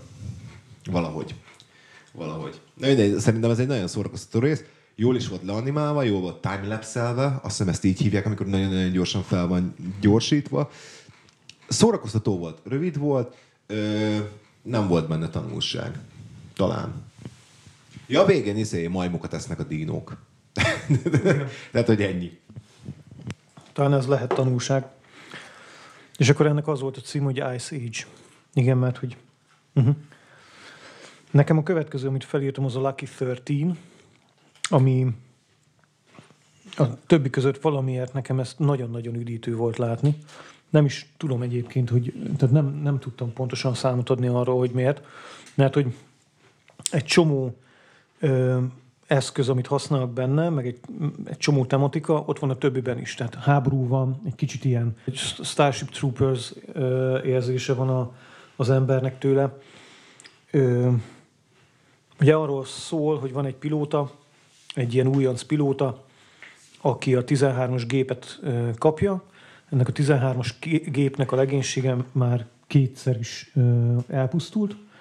Nem akar vele repülni senki, de hát mivel ő újonc, nincsen választási lehetősége, és ö, ő lesz a pilótának, vagy ő lesz ennek a gépnek a pilótája, és sorra tér vissza a küldetésekből teljesen ö, sértetlenül, és amikor tíz küldetést ö, megcsinál sértetlenül, akkor felajánlanak neki egy jobb gépet, egy újabbat. Ő viszont ragaszkodik ehhez a géphez. És ö, végigkövetjük az ő útjukat, tehát van, van benne ez a babona, ez a tipikus pilóta babona, hogy, hogy a 13-asról nem repülök, de aztán új értelmet ennek a 13-asnak, és akkor a szerencsétlen 13-as helyett szerencsés 13-as lesz a neve. Öm, tök jó pörgős harcok vannak benne, és valahogy nagyon bájos a vége. Mert ugye arról van szó, ö, már úgyis leiratkoztak, akik nem látták. Ö, ha viszont látták, akkor ugye miért mondjuk el, de hogy né- nyilván teremtsünk valamennyi kontextust, hogy lelövik végül a 13-ast, lezuhan, de a, a túlélők, tehát hogy a, a le- legénység az túléli, és ö, aktiválja a pilóta az önmegsemmisítést, elfut a géptől, de nem robban fel a gép, hanem elfoglalják a, az ellenséges katonák. És ö, úgy használják, mint egy bázis tulajdonképpen, ahonnan meg fedezéknek, ahonnan tüzet nyithatnak a szerencsétlen legénységre, és ezt a pillanatot választja, amikor már az összes ellenség bent van, ezt a pillanatot választja a gép a szerencsés 13-as arra, hogy felrobbantsa magát, tehát késleltetett ez a... Engemet. Magát, igen. Ez a önmegsemmisítés. És ugye ez a lélekkel bíró gépnek a problémája, ez a, ennek az autónak lelke van, ennek a ö, gépnek lelke hát van, ennek ilyen, a repülőnek lelke van. Hát ez ilyen fetisizmus, nem? Igen. Gépfetisizmus. Majd akkor nem tudom, nekem ez annyira nem tetszett, viszont ez jó összekötéspont lehetett, az én követke, lehetett volna az én következő részemhez, de ezért hozzáfűznék pár.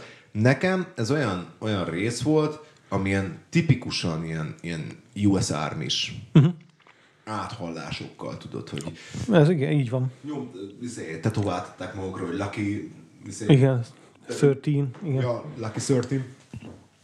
Nekem ez annyira nem tetszett, és nekem egyik olyan rész sem tetszett, amiben vannak ilyen, ilyen ilyen US Army áthallások. Valami, és valami, van egy sorozat, én szeretem a Warhammer 40 ezernek a világát, és van egy, van egy sorozat, a Hammer and Walter, nem tudom mi.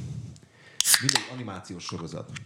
És, és ott is van egy ilyen. Aha. Egy ilyen rész. Pedig az egy alapvetően egy ilyen, alap, alapvetően egy ilyen US Army a középkorban, tudod. De van egy ilyen nagyon ilyen rész. Ami... De hogyha ez a Warhammer 40 ezer, ez 40 ezerben játszódik. Igen, igen, természetesen. De hát akkor nem a középkorban.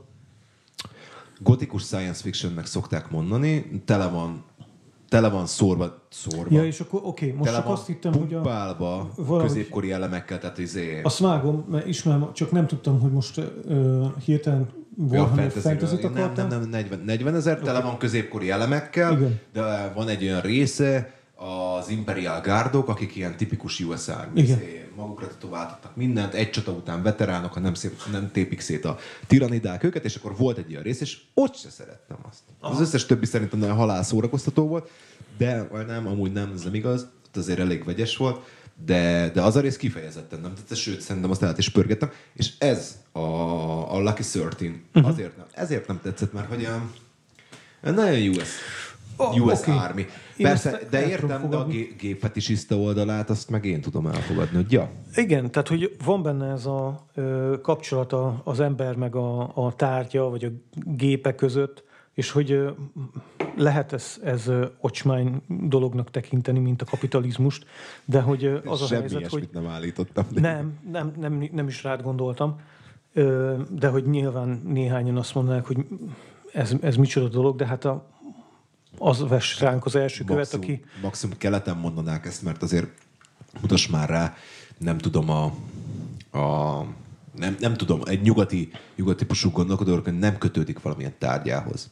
Hát szerintem azért elég sok képmutató van, aki most mondjuk biztos azt mondaná, hogy jó, hát nem kell tárgyakhoz kötődni, amiben lehet, hogy tök igaza van, de uh, én akkor is nehezen tudom elképzelni azt, hogy van olyan ember, aki mondjuk ne lenne egy olyan tárgy, amihez valamilyen kedves emlék fűzi, vagy akár mondjuk a gitárja, mert nagyon szeret gitározni, vagy...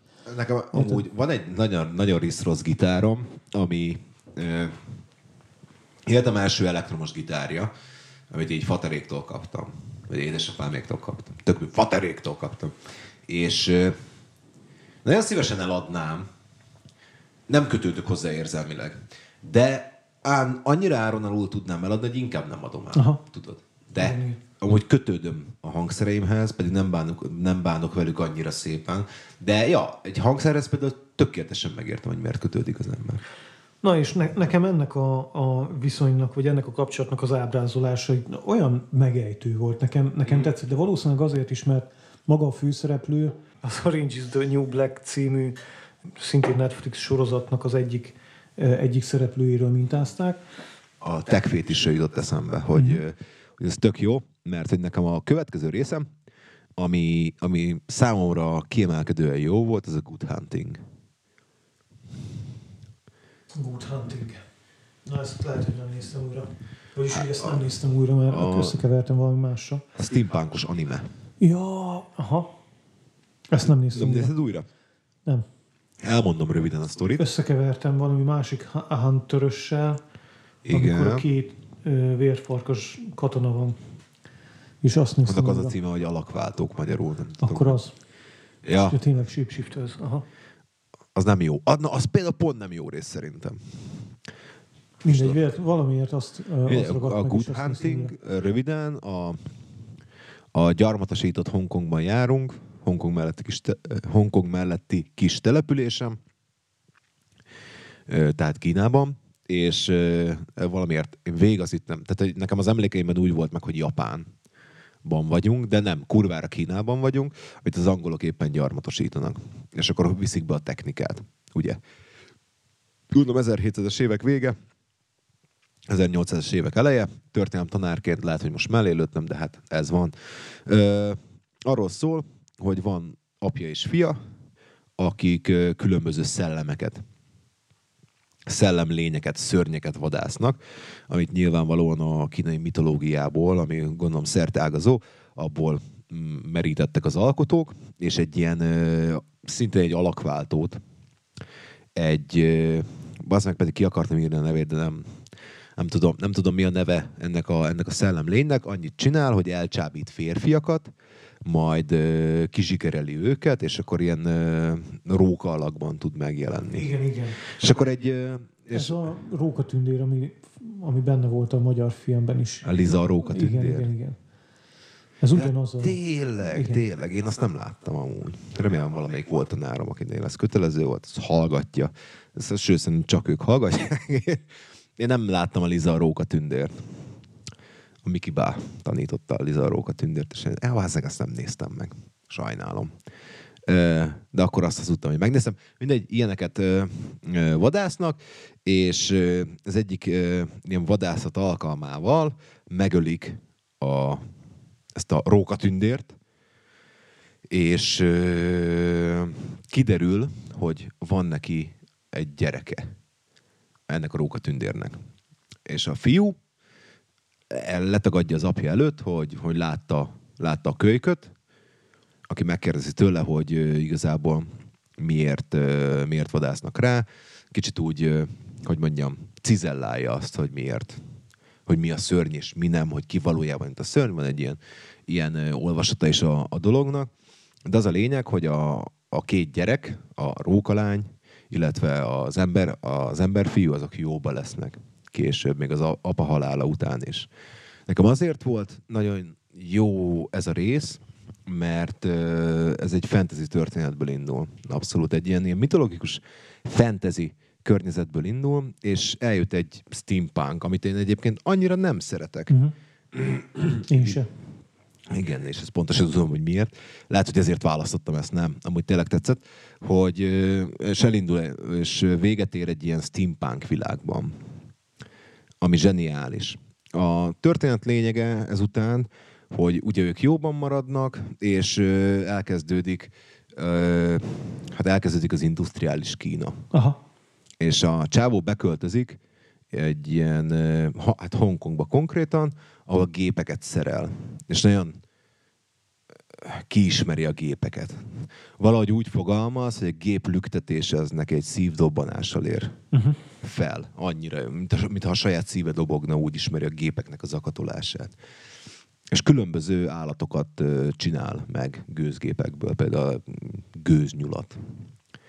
És végül is a hölgy is, aki azóta hölgyé cseperedett, ő is felkerül Hongkongba, de ő prostituált lesz. Uh-huh. Mert, és ez kurva érdekes, azt mondta, hogy ahogy elárasztanak fémmel, és, vagy hogy mondta, acéllal és vassal mindent, úgy tűnik el a mágia a világból. És egyre nehezebb átalakulnia. Számomra ez egyébként egy, egy kurva mondat ebben a részben. Mindjárt megnézem a kis jegyzeteimet. Mert ebben van egy ilyen öko-kritikai jelleg, hogy ahogy az ember ahogy az ember gépiesít és egyre jobban megismeri a világot, a világnak a rejtélyei, vagyis a mágia, az egyre kevésbé lesz fontos, mivel már ismerjük. Mondjam el az egész sztorit? Ez tulajdonképpen egy ilyen Heideggeri gondolat, csak nem akartam megölni a sztorit egy ilyen rendőrrel, mint Heidegger. kérdése izé, technika nyomáról? Ne. ne. Szerintem sem amúgy. Volt. Bár arról minél többet beszélsz, annál több értelme van. Az egy, jó, az egy nagyon jó szöveg, de most csak így nagyon zárójelbe jegyzem meg, hogy láttam egy olyan mémet, ahol ö, arról volt szó, hogy melyik filozófus mennyire punk. És akkor volt, ott kezdődött, hogy, hogy nem ő punk, hanem a punkok ők. És akkor ez Foucault volt ott, meg Marx, meg ilyenek, és akkor egyre inkább mentünk le, hogy punk, punk is, ez Nietzsche, meg ezek voltak ott, és akkor a legvégén volt egy ilyen szint, hogy basically a cup, vagyis, hogy tulajdonképpen egy rendőr, és az Heidegger volt. és rohadtul igaz. Igen, tehát hogy volt egy ilyen ökokritikai olvasata is ennek a, a résznek. Ö, igen. Még csak itt egy közbeszúrás azzal igen. kapcsolatban, hogyha igen, még egy, hogyha a nem tudom, hogy emlékszel a Lovecraft Country nevű HBO sorozatra. Igen, nem néztem végig, de emlékszem. Na, abban volt azt hiszem pont az utolsó előtti rész, ami szintén egy ilyen ö, témát dolgozott fel, és ott is egy ilyen kicune, vagy mi. De mondjuk te azt mondod, ez a kínai mitológia, és a japánban is van ilyen, tehát a Lizard rókatündér az ugye a japán Én azért hittem közeli. azt, mert hogy, Aha. hogy rókatündér, mondom, ez biztos japán, és akkor itt Hongkongoznak, hogy itt, mondom, nem, amúgy kurvára nem. Aha. Na, igen, mindegy japán, mindegy kínai megsértődne egyébként, persze, így keverem a kultúrát. De most igen. akkor legalább mindenkit, aki itt érintett, igen. végig sére, végig sére, Ha lenne kínai vagy japán ISIS, akkor már, akkor már sárga kezes lábasba térdelnénk Nagyon. valami videón a Facebookon. Örültem, hogy az arabokat is sikerült ide keverni. Szóval. Jaj, ezek a feketék mindig háborúznak. Ezt ismered? Ezt a... nem. nem is teljesen így van, ezt most inkább hagyjuk. Jó, rendben van. De hogyha van hallgató, aki ismeri, akkor remélem, hogy szereztünk nekik egy... Majd mikrofonon kívül elmondod. Ja, persze. Jó. szóval az a lényeg, hogy ez a lány felkerül, vagy akartál még valamit mondani? Felkerül prostituáltnak, és akkor újra összejönnek ezzel a fiúval, és mert össze, összekerülnek, nem, nem jönnek össze, össze, sose jönnek össze. Tehát a szerelmi rész itt nincs kibontva teljes mértékben, tehát nincs beteljesülése az ő feltételezett vagy nem feltételezett szerelmüknek. Minden, eset, minden esetre van egy erős lelki kapocs köztük, és ezt a lányt a valami helytartó kihasználja. Mert hogy ő tekfetisiszta, hogyha szabad ilyen ö, így fogalmaznom, bár ezt a sorozatot nem említi, annyi van kiemelve, és ez egy erősen szexualizált rész, ahol ilyen erektált nemi szervek látszódnak, illetve első és másodlagos nemi jellegek is, annyira pc fogalmaztam most. Basz meg, ugye leesik a könyv a pol, vagy igen, a könyv a polcról, annyira, annyira PC volt, és hát átalakítja a hölgyet géppé a nemi jellegeken kívül. Tehát, hogy érted? És erre a hölgy és a, a fiú bosszút áll, és ö, mivel a hölgy nem tud átváltozni, ezért a fiú valahogy meghekkeli őt, hogy át tudjon rókába változni, és akkor mindenki bosszút áll igazából. Rók, gép róka alakban, aki parazsatnyel. Azt hiszem a, azt hiszem a csávó, az csak, ö, a helytartó, az csak nyaktól lefelé áll, alakította át gépé, kivéve a nemi szerveket úgyhogy ezt tudja használni, és akkor ennyi, ennyi a sztori, igazából ez se valami nagy sztori, semmi beteljesülés nincs, csak hogy van egy gépróka, aki, aki gyilkolja a gonosz tevőket. Jó, ez azért a kevésbé uh, konvencionális, mint a több. Ez igen. kevésbé konvencionális. Igen, igen, igen, igen, ez a, ez a hongkongi Batman igazából, uh, gép Batman, uh, de szerintem ez egy kurva erős rész, és nagyon rétegelt mondani való van benne, amit már említettem, hogy, hogy ez a mágia és gép dolog. Ez engem nagyon-nagyon, lehet, hogy azért, mert ezekben a témákban vagyok mostanában, meg az olyan nagyon megragadott, illetve ez a, ez a techfét is, ami mostanában ez tök, tök releváns a mai, mai világunkban egyébként, hogy nem szeretem a steampunkot, sosem szerettem, de egyszer elkaptam egy beszélgetést, amiben te beszélgettél valakivel, valami kocsmában, hogy, hogy egyéb, le, lehet, hogy nem steampunkról mondtad egyébként, hanem cyberpunkról. Nem valami beöltözős buli volt. Jó, Istenem, az biztos egy steampunk. A steampunk volt, és mondtad, hogy szóval bazzek, te ezt nem érted. Ez a, ez a rockklubban volt. Nem, nem a rockklubban volt, a, a retro mellett, ami van. Ja, tényleg. Lent egy pincébe. Tényleg, tényleg. Igen, igen. Igen. Akkor te nem nézted újra ezt a részt. Nem, ezt a részt nem, mert összekevertem egy másikkal. Kurva jó. Ezt, Ezt minden, a- ezt mindenkinek ajánlom, és ilyen anime jellegű Aha. egyébként. Egyébként, hogy elmondtad, na nyilván látom az összes részt, csak ö, most néhányat újra néztem, ö, meg a második évadot azt most néztem végig, tehát ez ilyen kétnapos élmény, két Szívesen. vagy három napos. Köszönöm.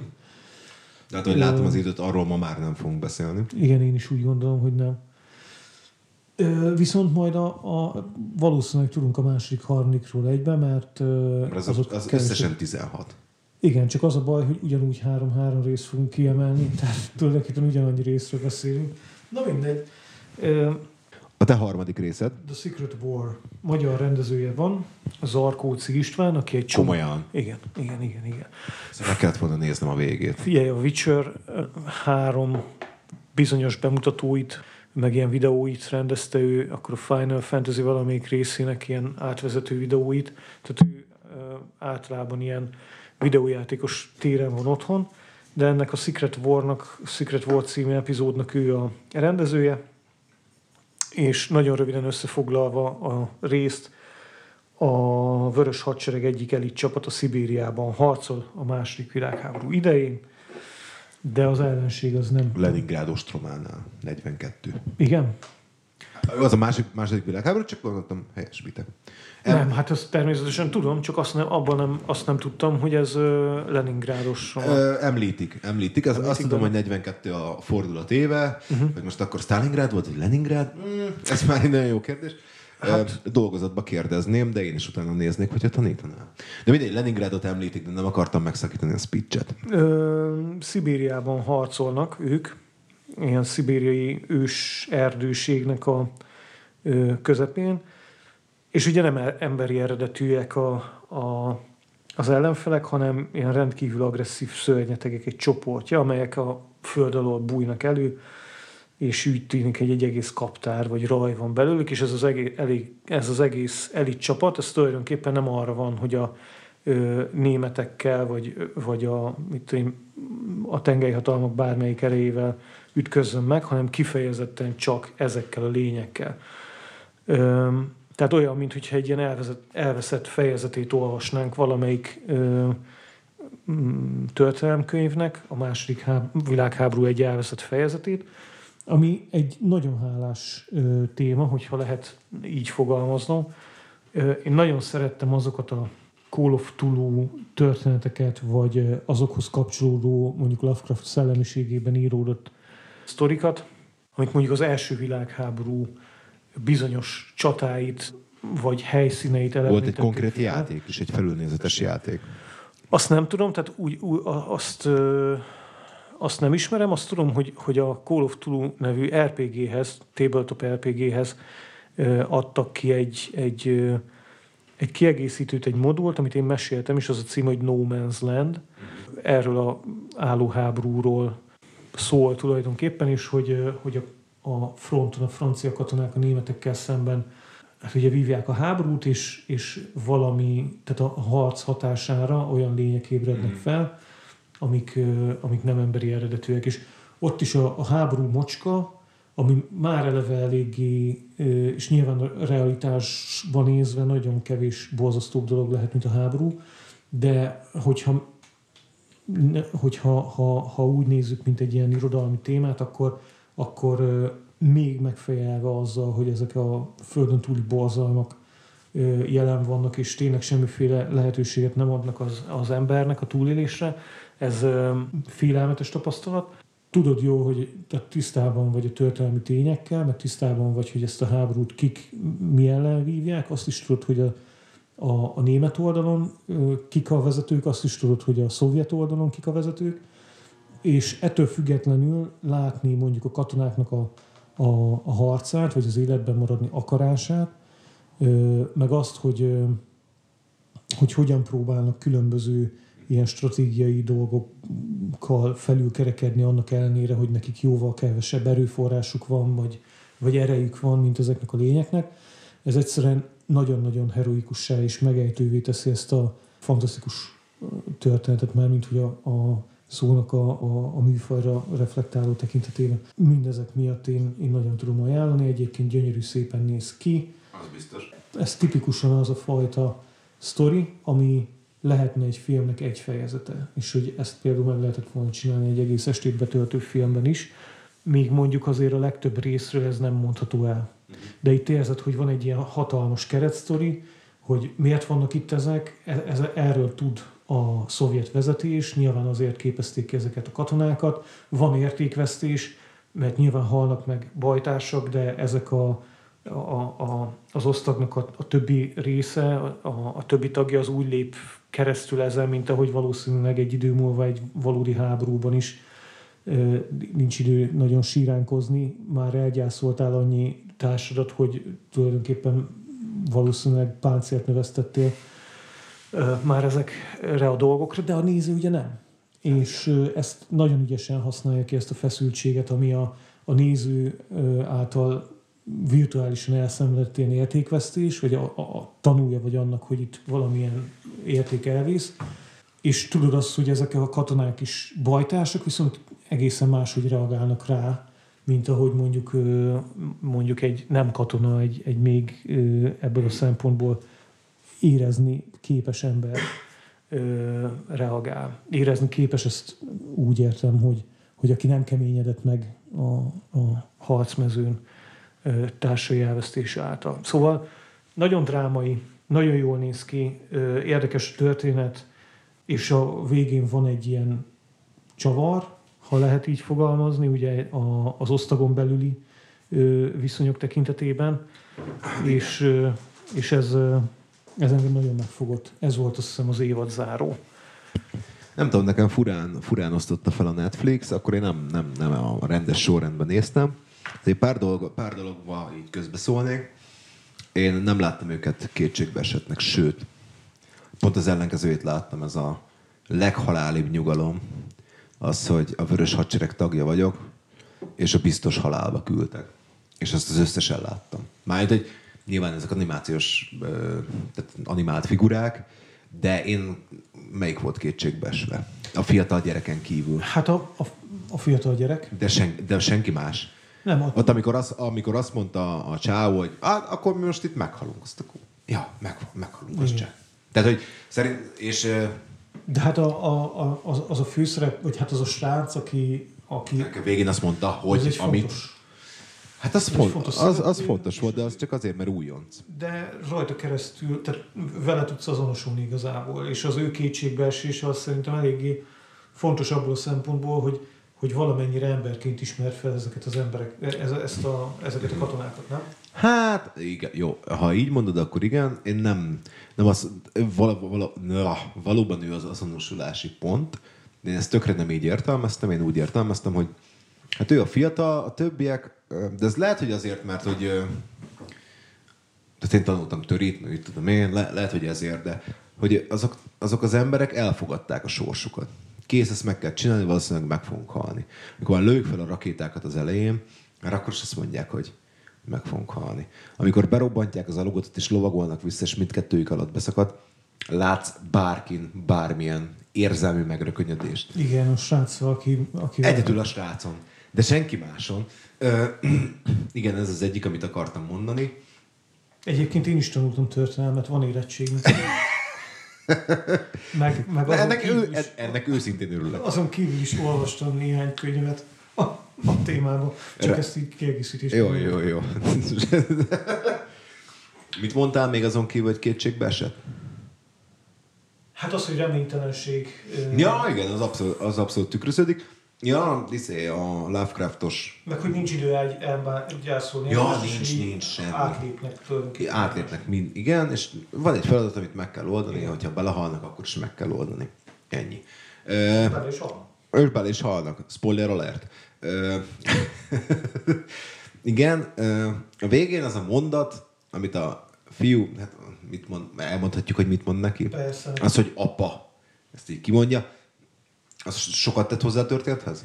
Vagy csak egy érdekes fordulat volt? Nekem azért tett hozzá sokat, mert akkor éreztem meg, hogy hú, e, ennek, tehát itt most megnyílt egy ilyen nagy lehetőség arra, hogy, hogy ebből, ebből legyen valami még mélyebb sztori. Uh-huh. Ami azt jelenti, úgy értem, hogy, hogy benne lett volna még az, hogy ennek akár lehetne egy folytatása. Ja, értem, értem, értem. Egy, egy, egy hosszabb történetet.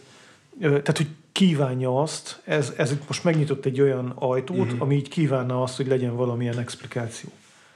A Lovecraftiság, meg onnan jött, amit elfelejtettem mondani, hogy van benne egy olyan, hát egy erősen megnyomott ilyen okkult vonal. Igen. Tehát, hogy, Arról szól a, tulajdonképpen a... Ez igen, a... tehát hogy ezek a, ezek a szörnyek, ezek nem csak úgy jöttek a, har, a harmadik birodalomba, tehát hogy a Szovjetunióban, igen, a harmadik birodalom másik oldalon volt, hanem hogy ö, volt egy abszolút ilyen Rasputini figura, ö, és ezt nem, azt most arra pontosan nem emlékszem, hogy mikor végrehajtottak egy rituálét, úgy megidézzenek valamit, ami elősegítheti a háborút, és akkor természetesen ez kicsúszott a kezeik közül, mint ahogy szokott lenni bármilyen másban.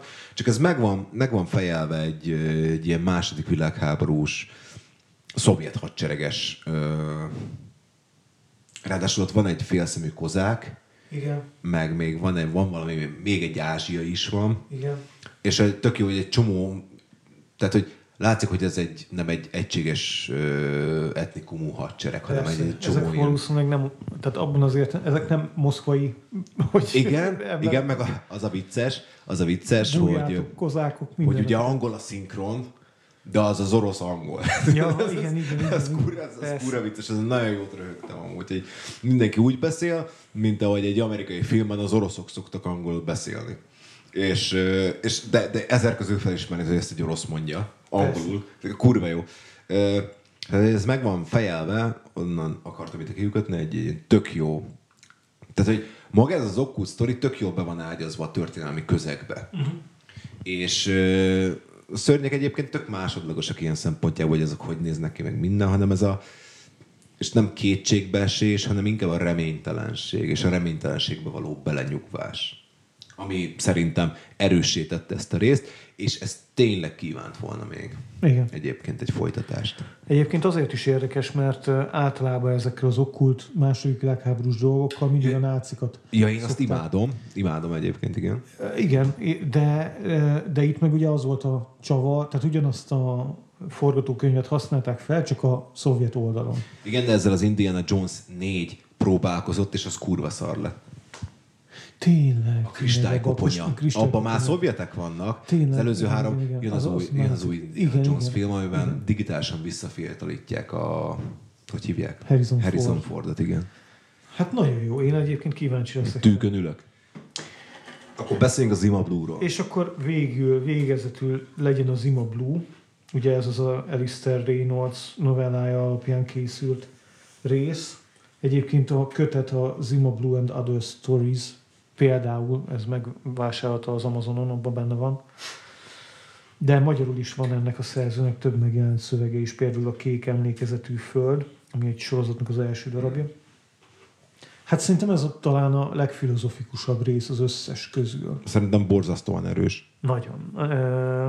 De miért, miért olyan erős ez? Mert most, hogyha csak, csak a történetről beszélünk, az nyilván nagyon gyorsan összefoglalható, van egy, van egy ilyen ünnepelt művész, aki soha nem ad ö, interjút, de mindenki ismeri a világon a, a nevét, ö, és van egy ilyen signum ö, egy névjegye.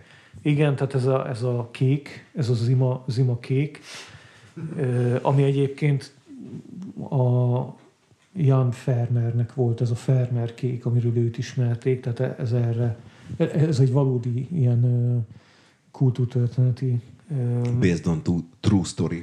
Igen, van egy ilyen kultúrtörténeti érdekesség. Na mindegy, és az a lényeg, hogy ez a figura egyszer csak úgy dönt, hogy egy, ad egy ilyen életinterjút egy újságírónak, mielőtt bemutatná az utolsó grandiózus műalkotását. És tulajdonképpen ennyi a sztori, és utána az, az újságírónak a szemszögéből látjuk a dolgokat, Sőt, az egészet ő meséli el. Az egészet konkrétan. ő meséli el, igen.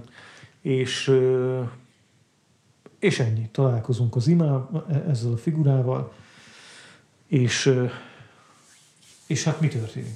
Hm. Én lőjem lapó, én. Szerintem igen. Legyek én a rozsarú? Igen, és akkor utána szerintem kezdjük el megnézni, hogy miért is, miért is olyan érdekes ez a rész. Hát a, ennek a művészfigurának uh, igazából megismerhetjük az élet történetét, ami onnan kezdődik, hogy ő igazából egy mesterséges intelligencia lett, de az ő, ő egy gyakorlatilag egy medence takarító robotként kezdte. Igen. A pályafutását, majd az ő feltalálója egyre inkább fejlesztgette őt, és a feltalálója meg, megholta után, ő igazából egy művészé fejlődött, és megismerte az egész világegyetemet. Gyakorlatilag erről szól. Erről szól. A világ összes titkát megtudta. És a fő attrakciója az, hogy visszavedlik takarítórobottá, és egy medencét takarít élete végéig. És, hogy... és a kék, ami, ami minden ja, igen, igen, az egy csempe. az a, az a medence csempéjének a színe. Igen, ez így van. Ez így van. Nekem ma például erről, sokat gondolkodtam ezen a részen, hogy ezt hogy lehetne megfogni, hogy most így a mesterséges intelligencia részéről, vagy a izéről, a, a, hogy hívják azt, a, azt az AI-t, ami, ami így festeget? Meg... A, a festegetőst? Igen. Nem tudom. Tehát nem a chat GPT-t. Egy millió, egy millió van. Hát, de van, van egy híres mindegy. Tehát, hogy ami... Amelyik megnyerte a... Ö, ha, ha, mindegy, teljesen mindegy. Hogy e, erről a részéről beszél. Szerintem mm, nekem eszembe jutott már egy ilyen bibliai hasonlat, ez, a, ez az édenkert per tudásvája, tudod. Tehát, hogy így, így maradj egyszerű, mert boldog leszel. És akkor ez, ez a kis, kis robot, ez így nem akart egyszerű maradni, és elment a világ végéig. Ő megtudja az egész univerzum titkát, és miután megtudta a titkot, úgy döntött, hogy ő inkább robot szeretne lenni. Mármint, hogy takarító robot. A takarító robot, igen, takarító robot igen. szeretne lenni. Ő inkább medencét szeretne tisztítani élete végéig, hogyha teheti. De azt hiszem, hogy el is hangzik benne az, hogy, a, ö, hogy mennyire fontos a, neki a kötelességtudat, vagy hogy a, a, az egyszerű munkából származó ilyen kielégülés, vagy a, a, a jól végzett, a jól elvégzett munkának a, a betöltekezése. Igen, tehát egyszer, egyszer van benne egy, szerintem egy ilyen bibliai vonal, amit lehet, hogy csak én magyarázok bele, de mint analógia szerintem tökre stimmel. A másik meg a kiégés egyébként. Tudod, tudod amikor lehet hallani olyan híreket, hogy nagy cégvezetők, mit, jó, egy hallottam, hogy nagy cégvezető tele volt pénzzel, és akkor utána elment áruházba feltöltőnek, mert hogy egyszerűen egyszerűen nem bírja azt a stresszt, azt a nyomást, azt a, azt a tudást, amit ő birtokol, és hogy valami egyszerű munkát kell elvégezni. Másrésztről meg az alkotójához való visszatérés. Uh-huh. Én itt azt nem, nem tudom, hogy mennyire a, a tudás az, ami nyomja a vállát mondjuk egy cégvezetőnek, akkor, amikor stresszel találkozik. Ott kezdődik az egész dolog, hogy, hogy a, a művészetről kezd el beszélni, és a művészetnek a, miben létéről még a, az újságíró, ugye, aki végigkövette az egész pályafutását ennek a, ennek a figurának. És egy 10 perces rész, de most már legalább a negyedik olyan dolgot ö, hozzuk fel, ami nem csak így említés szinten van, hanem olyan ö, rétegeket csempész be. Hanem amúgy a, egy értelmezési tartomány is lehet Pontosan, simán. tehát olyan horizontokat nyit meg, amin, ha csak az egyiken elindulsz, azon rengeteget lehet, lehet gondolkodni, meg így végigvezetni a, a, azt a fonalat az egész 10 perces vizuális szövegnek a kapcsán. Igen, meg amúgy tényleg felteszi ezt a kérdést, hogy mi a művészet. Igen, egyébként. meg hát az, hogy mennyire repetitív, mennyire önismétlő, annak ellenére, hogy mindig megújul. Meg mennyire snob. Meg Igen. mennyire snob, hogy az emberek tapsolnak a, a, a kék négyzetnek, érted? Az Ima Blue-nak. És az csak egy kék négyzet. És igazából bármit, bármit festett volna köré, ha a kék négyzet ott van, akkor az így megnyerte őket. Igen, mert ugye az van, hogy azért különlegesek a képei, mert fest valami csodálatosat, ami sok, most teljesen mindegy, hogy miért nevezzük csodálatosnak, de azt hiszem, hogy egy kicsit ezt a reneszánsz művészeti eszményt viszi tovább, tehát ezek a nagyon szépen kidolgozott ö, emberalakok, és akkor az középre teljesen megtörve a harmóniát, egy kék négyzetet helyez el mindig. Mm. És emi, jól emlékszem, ugye, hogy így van?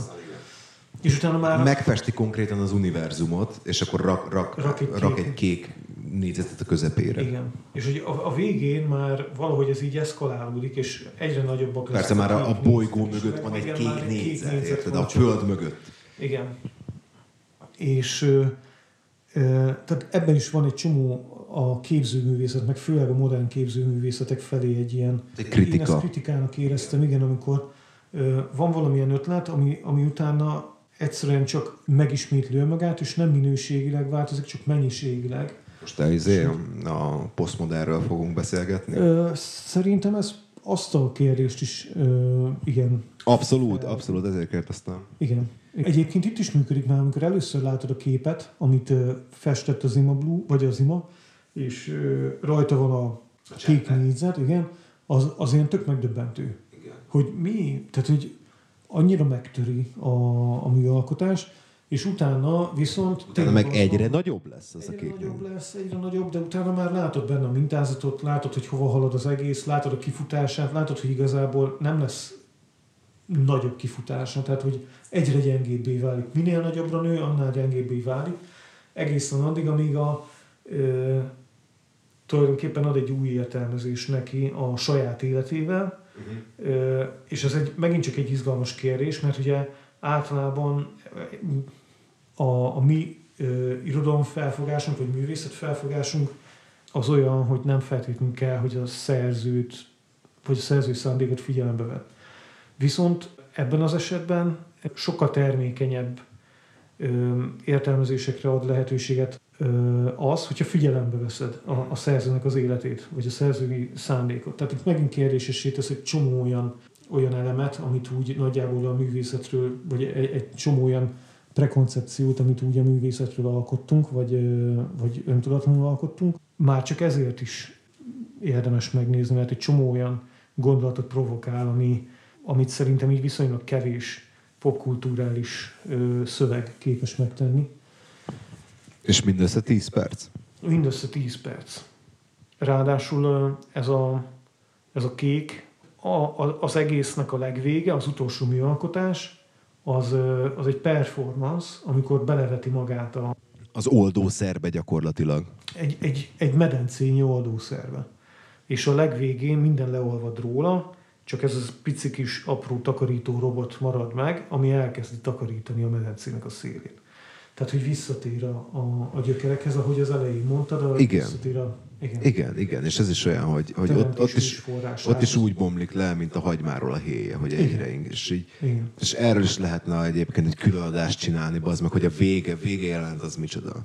És ahogy nem mutattak semmit, de én azt éreztem a végén a roboton, hogy ő boldog. Na, Persze. Ha egy robot lehet boldog, akkor ő boldog volt. Igen, és nagyon érdekes, hogy, hogy ezt, ezt úgy, tehát hogy, hogy ezt, ezt képes voltak érzékeltetni. Nyilván amiatt is, mert előtte elmondja ezt a monológot a, a, az egyszerű munka ö, becsületes ö, kötele, tehát ennek az elvégzésé fölött érzett boldogsággal kapcsolatban. És utána látod ezt a kis robotot, és tényleg az az érzésed, hogy ez, a, ez itt valamilyen elégedettség van, amiért így lassan, szépen végigmegy a, ö, csempén és takarítja. Szerintem tök fontos, amit mondtál, hogy nem arról van szó, hogy így felolvad, vagy szétmarja a sav, vagy, vagy valami ezt a, ezt a lényt, vagy ezt a ö, testet, hanem olyan, mintha így szétszerelődne. Igen. Rétegről Tehát, rétegre. Igen, így szépen ö, darabjaira bomlik. Látod, ahogy a struktúra így egyre... Ö,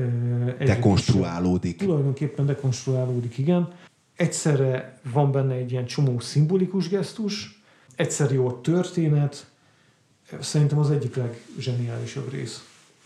Szerint, á, igen, ezt, ezt mindketten beválasztottuk ugye Igen. egyből, hogy így, és az Ima Blue, ú, az milyen király rész volt, Igen, igen. igen. Szerintem is kurva jó, meg nagyon, tényleg nagyon sok rétege van, pedig egy kurva egyszerű sztori. Nagyon. De, Nagyon. de, de olyan kérdéseket feszeget, amikről mindenféleképpen érdemes legalább, Igen. legalább beszélni. És sőt, még van egy olyan pont, ahol azt is érzem hogy nem csak, hogy egyszerű a sztori, de kifejezetten bugyuta. Tehát amikor Igen, elkezdi igen, igen. elmesélni az élete történetet, és akkor mondja, hogy elmentem a mit tudom, milyen vulkánba, meg a nem tudom milyen bolygóra, meg és akkor ja, ja, ja. hagyjuk már ezt, vagy, vagy futtasd már ki valahova, és egy olyan mindennek a... a Igen, mert nem úgy kezdi a, a sztorit, hogy, hogy ő egy takarító robot, hanem Igen. ez csak a legesleg végén. Igen, igen. És hogy mindennek nyilván szerepe van abban, hogy, hogy, hogy ehhez az apró pici, nagyon szerény dologhoz vissza lehessen térni. Sokfajta ideológiától terhelt egyébként ez a, ez a rész, és, és még le, sok mindent lehetne róla beszélni, de talán ebben a részben nem is érdemes jobban belemenni ennél. Legalábbis most, így nem tudom, két órával a adás kezdete után, vagy másfél órával. Hát 1.45, tehát hogy pont. Pont a két határértéket eltaláltad. Nem mondhatod, hogy unod. És akkor Ne, nem mondhatom, csak hogy nem akarom mondani, csak tényleg az, hogy kurva erős ez a rész. Tehát, hogy erre, erről, erről nagyon sokat lehetne beszélni, ez, ez egy feles, de lehet, hogy még egy egész részt is megérne. Mert hogy annyi felé el lehetne ágazni. igen, tehát például most, amit, amit mondtam, hogy ne menjünk bele, de csak ilyen felvillantás szinten, ami eszembe jutott, hogy ez a esztétizálja ezt a, a, az egyszerűséget, a jól végzett munka, ö, stb. Tehát azért itt, itt lehet ilyen politikai ideológiákat is kihallani ebből. Én vallási ideológiákat hallottam. akár vallási Ez egy ideológiákat abszolút is szerzetes lehetne. élet, érted? É- Pontosan ez jutott eszembe. Egyébként nem csak ez, hanem mondjuk ö, A remete élet, és a többi. De akkor mi? ö, hát először egyébként igen, ez a, ez a Ferences ö, Az, az, az, az egyszerű. Igen, Egyszerű. másrészt meg, meg hát azért ö, nyilván a, a, vannak olyan politikai ideológiák, amik mondjuk szeretik, hogyha ha a, az ember a, nem lát tovább mondjuk az elvégzett ö, egyszerű munkájánál, tehát hogy, hogy van valamilyen ö, egy ilyen negatív értelmezési lehetősége vagy konnotációja is. Ez a túlságosan átesztétizált, vagy a végtelenségig esztétizált. Tehát amikor a, a, a minimalizmust annyira ö, csúcsra járatják, hogy az valójában a gondolkodásnak mondjuk a, a kerékötője. Sok ö, olyan értelmezéshez vezet, hanem, hanem bizony lehet ezt azért ilyen gyanú, gyanús, vagy, vagy kevésbé ilyen ö, jó hiszemű értelmezésnek is alávetni, és szerintem azok is működnének. Ja, persze. Abszolút. Abszolút. Mondasz végszót. Hát azt, hogy például, hogyha már ott tartunk, hogy ez egy takarító robot, aki visszahajtja magát tulajdonképpen a gazdájának, a, tehát hogy ő szolgasorba hajtja magát, azt Ez most az már egy- szolga legyen. N plusz egyedik értelmezés. Igen, tehát hogy, hogy, de ezt mondom, hogy áh, igen, legyen az a végszó, hogy, hogy nézzétek meg ezt a sorozatot. De főleg ezt a részt. Újra az Imablut. Írjatok, hogy mennyire hülyék vagyunk, és a közben a ti ér- értelmezésetek milyen. És legközelebb innen folytatjuk a második évaddal, igazán? Hát vagy valami ilyesmi, igen. Vagy valami ilyesmi. Ja, ígérünk valamit továbbra sem. Továbbra sem. Lehet, hogy nem. Lehet, hogy csak ennyi volt, és nem fogunk második évadot beszélni. Soha többé. Jó. Csá! Cső! Jaj, nyom egy space-t. Meg egy